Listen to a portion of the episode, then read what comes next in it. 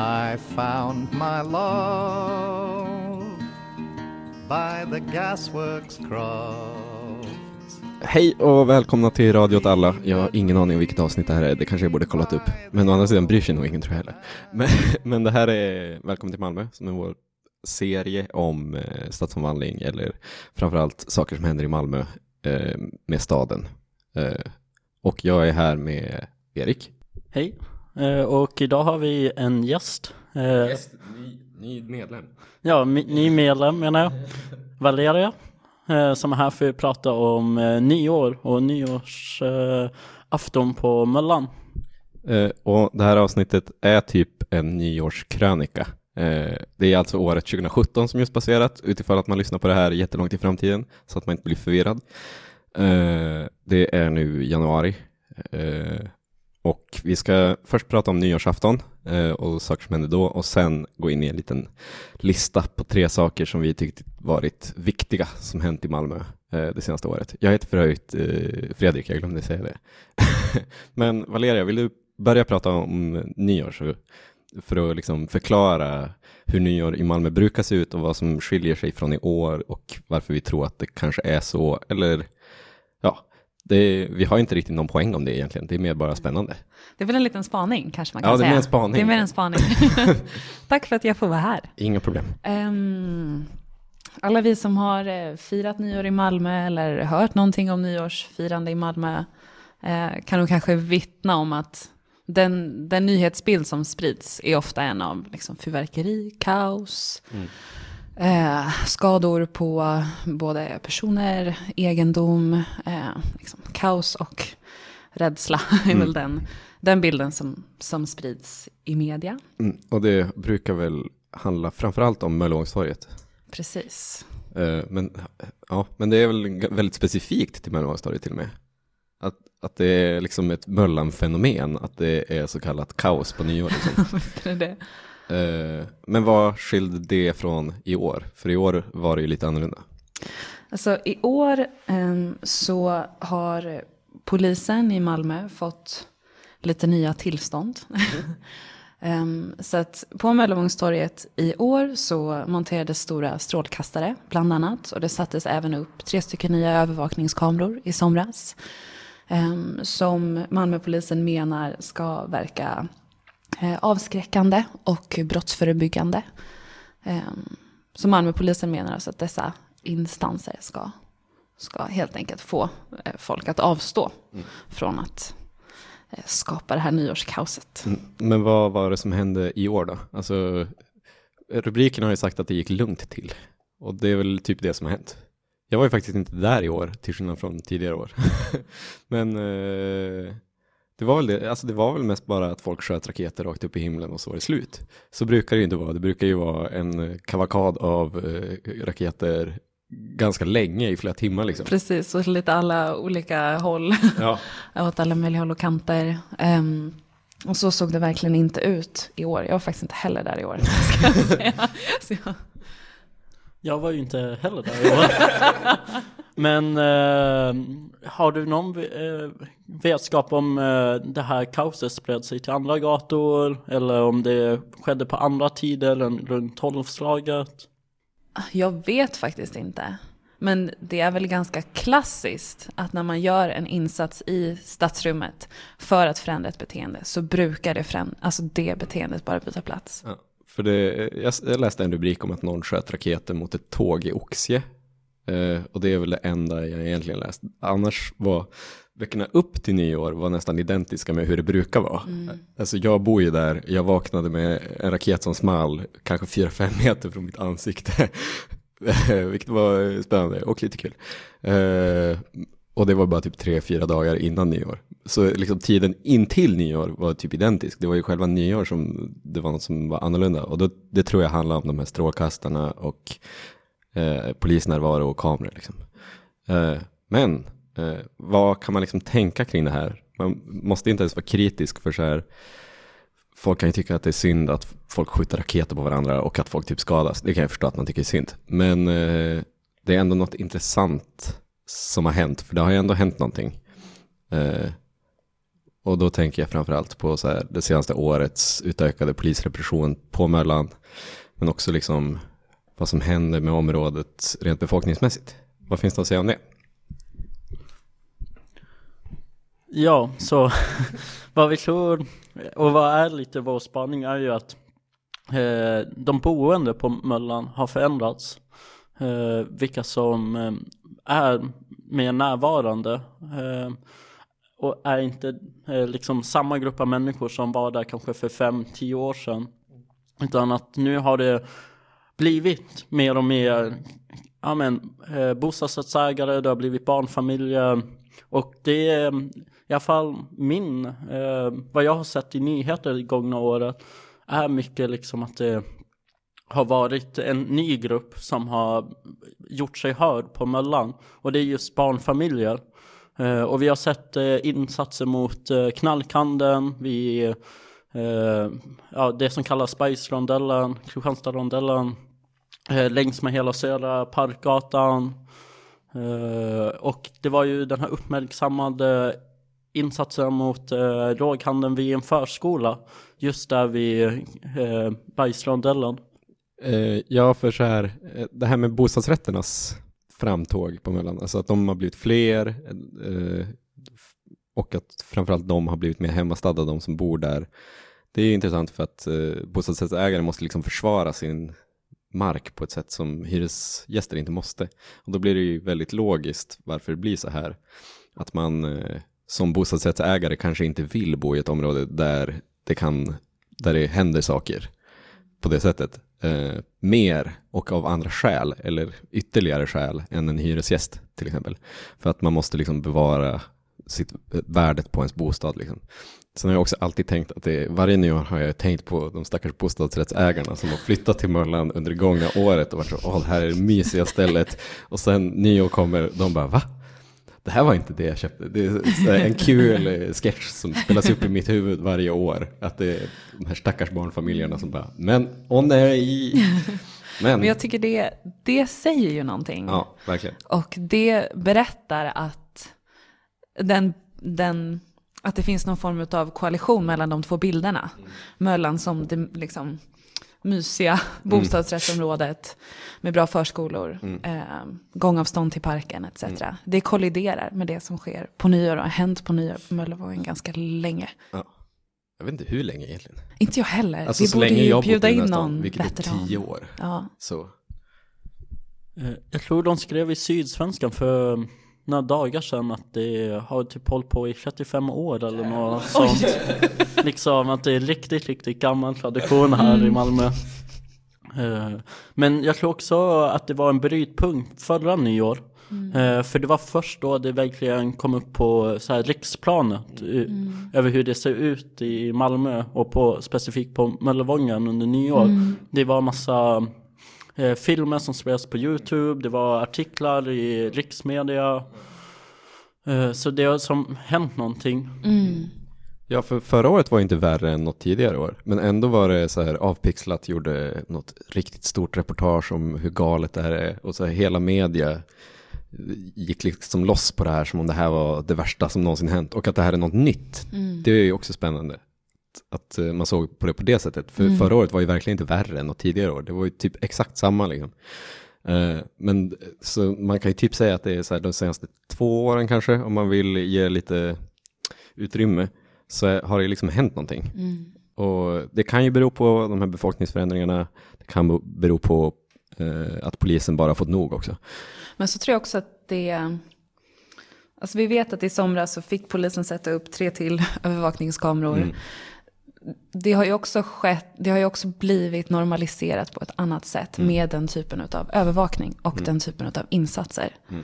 Ehm, som väl har varit mer vanliga i länder som USA tidigare. Och så, det kan man göra ett helt avsnitt om. Saker som, alltså den sortens polisiär repression, det här med att så flytta runt problem och, och se saker som liksom externa till det goda samhället istället för att förstå allting som en helhet. Liksom. Eh, Det gör vi men det gör vi ja, sen. någon gång. Förhoppningsvis. 2018. Men, eh, har vi något mer att säga om nyår? tror Erik vill säga något. Ja, inte direkt om eh, nyår specifikt, men att eh, man har sett det här, eh, den, ja men just den här typen av bostadsrättskamper eh, kan man kalla det, som har spilt över i andra områden. Eh, för det finns flera olika klubbar, alltså, eller det har varit med så här krogar som har haft eh, livemusik eh, på Möllan. Och eh, många av dem har behövt stänga ner just för att de har legat i anslutning eller nära till bostadsrätts eh, ja, men, hus. Och eh, det är någonting som också har ändrat lite själva dynamiken på Möllan. Att tidigare så har det varit mycket mer liksom ett krogområde och det är fortfarande det men att själva musiken, alltså livemusiken har behövts åkt ut i helt andra områden i Malmö. Och därmed inte sagt att till exempel de som bor i huset mittemot det gamla Debaser eh, i Folkets Park, de, så vitt jag vet så hade de ju riktigt sjuk ljudvolym hemma hos sig. Men då kan man ju fråga sig, eller alltså det, man behöver inte ens vara kritisk mot det heller. Man kan ju bara tycka att det är intressant att man nu bygger en stad eller ett område för att bo i på ett annat sätt. Att det är så här, nu har de byggt det här bostadsrättsområdet mittemot en nattklubb. Och det är så här, det är klart att den kommer behöva stänga ner. ja, och det är inte ens bara musik, utan det finns också en händelse i Folkets park när man hade liksom en uppblåsbar liksom hoppgrej för barn som var liksom som en uppblåsbar kudde kan man kalla som var bara gigantisk och barn hoppade i den och när barnen hoppade så liksom eh, skrek de av eh, rädsla och glädje antar jag. En liten kombo av det. Eh, och liksom det var en bostadsrättsförening som lackade så hårt eh, på det här, de här ljudvolymerna, alltså höra barn eh, skratt och eh, skrik hela dagen. Så de fick Malmö stad att både ta bort den här, köpa in en mindre uppblåsbar kudde och flytta den till ett helt annat område i Folkets park. Bara för att de inte skulle behöva höra det här barnskriken. Och, och där ser vi ju kraften i gemensam kamp. Sen kanske det, det inte var något vi hade tyckt var så fett, men det är ändå kul att folk förändrar saker. Uh, ska vi gå vidare till vår lilla lista på tre punkter över saker som hänt i år och så prata lite kort om varje grej. Uh, då kan vi ju ta varvet, tänker jag. Uh, så, så, så tar jag nummer tre Eh, och det är att kontrapunkt vräktes i år. Eh, och vad berodde det egentligen på? Ja, så kontrapunktvräkningen är liksom en konflikt som går tillbaka flera år. Eh, som egentligen eh, ja, men började, eh, och, alltså när kontrapunkt fick sina lokaler. Och eh, kontrapunkt, kontrapunkt har lokaler hos en fastighetsägare som heter E-room. eh, och eh, Eh, det, det, har som alltid varit en, en konflikt mellan de två. Men som nu liksom har kommit till ett stadium där, ja, men där de bara inte kunde komma överens. Och det berodde på att Kontrapunkt eh, eh, ha, fick eh, helt plötsligt höjda hyror på liksom ett belopp de inte kunde betala. Eh, och eh, också fick de vite av Malmö stad för att de he helt plötsligt ha inte hade det bygglov som krävdes utan att fastigheten som de huserade i hade ett bygglov för industriverksamhet som liksom eh, var det man tidigare hade i den fastigheten. Eh, och när då eh, Malmö stad upptäckte och upptäckte, de har nog alltid vetat om att de inte haft rätt bygglov men inte brytt sig. Och helt plötsligt så skickar Malmö stad ett vite att de måste ha ett annat bygglov. Och det här menar kontrapunkt på att det var fastighetsägaren i Room som skulle egentligen ha fixat ett bygglov när de hyrde eh, fastigheten. Och då så har Malmö, eller då har kontrapunkt eh, vägrat att betala hyran, alltså hyresstrejkat. Det beror ju också på att, i alla fall enligt kontrapunkt, så beror ju också på att eh, kontrapunkt uttalade sig negativt kring Norra Grängesbergsfestivalen, som vi pratade om i förra avsnittet, tror jag till och med. Eh, och de sa att det var ett gentrifieringsprojekt och så vidare. Och E-room, som då är deras fastighetsägare, eller var, eh, är ju en del av den festivalen. Så enligt Kontrapunkt så var det helt enkelt så att, och det verkar ju som att det var det som hände liksom, att E-room bara fick nog av dem, bara på grund av att de ansåg att Kontrapunkt motarbetade sin egen fastighetsägare. Eh, har man något mer att säga om kontrapunkträkningen?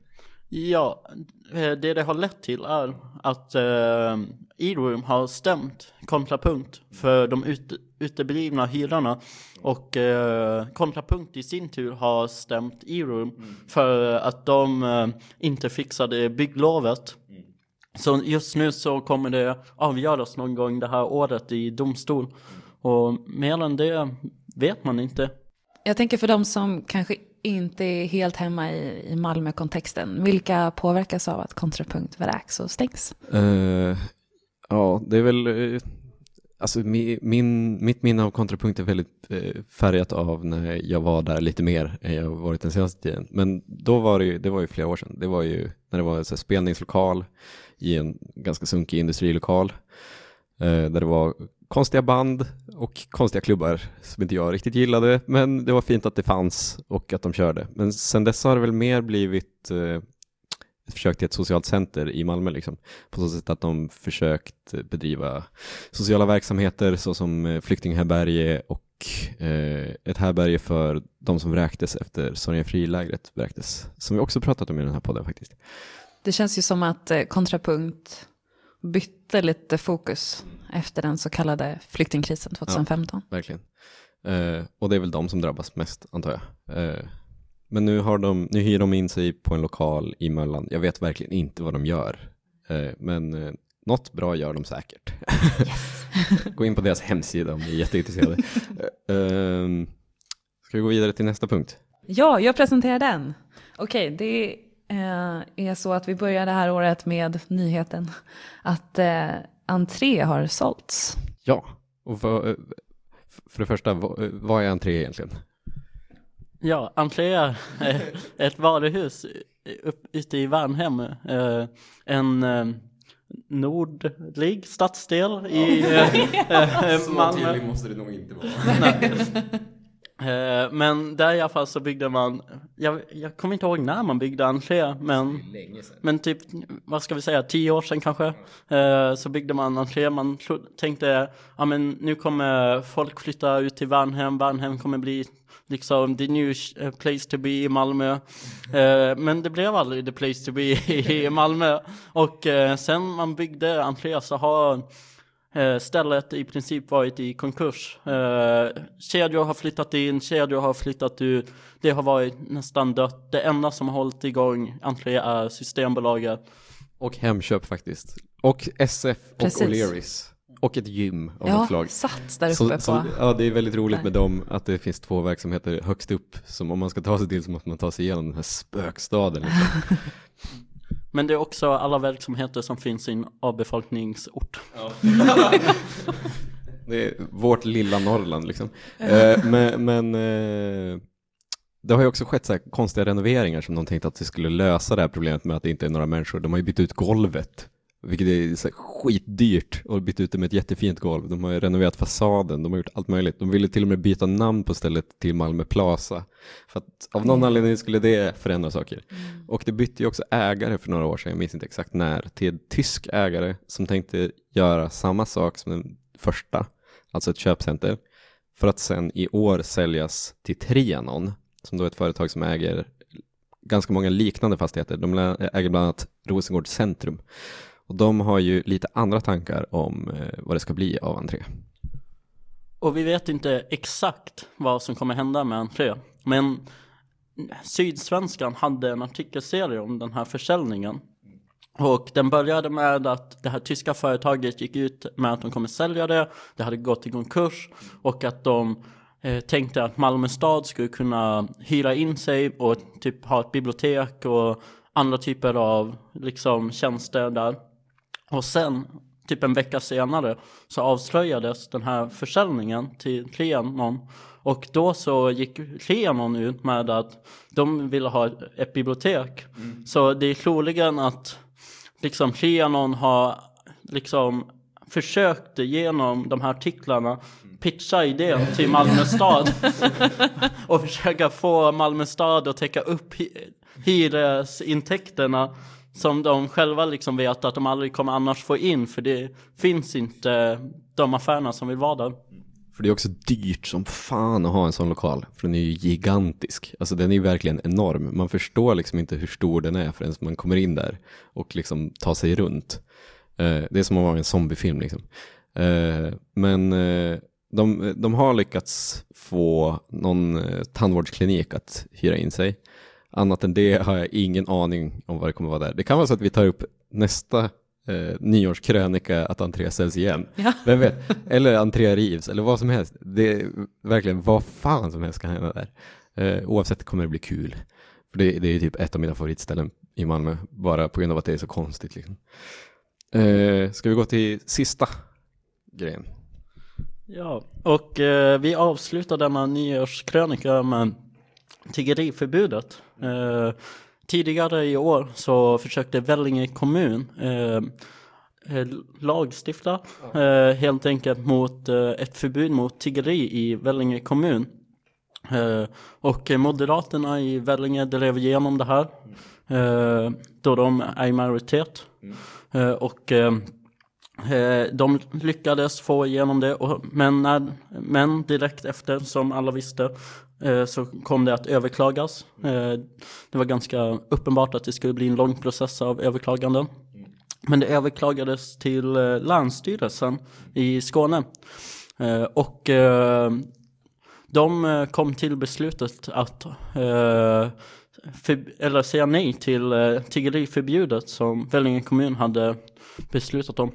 Och det är ju intressant eftersom att det finns en liksom växande kraft som vill ha ett tiggeriförbud i Sverige. Både inom så här olika kommuner men också nationellt. Eh, och det är ju intressant nu alltså att Länsstyrelsen har så här, så här, eh, lagt avslag på det. För att det kommer ju vara viktigt nästa gång det läggs upp. Och det kommer bli en jävla spännande process liksom. Jag tänker att 2018 kan bli, eller så här, efter valet 2018 då kan det vara så att flera kommuner försöker med det här och då kommer det vara spännande om samma sak kommer hända eller inte. Det beror ju lite på hur överklaganden ser ut, om det ens görs överklaganden och sånt. Men oavsett, spännande. Och det är klart att vi är mot tiggeriförbud, liksom. det är helt jävla stört. Eh, återigen en sån eh, polisiär konstig eh, idé om hur stadsrummet ska användas, som vi pratade om innan. Har vi något mer att säga om det? Nej, då säger vi hej då. Hej då! Dirty old town. Dirty old town.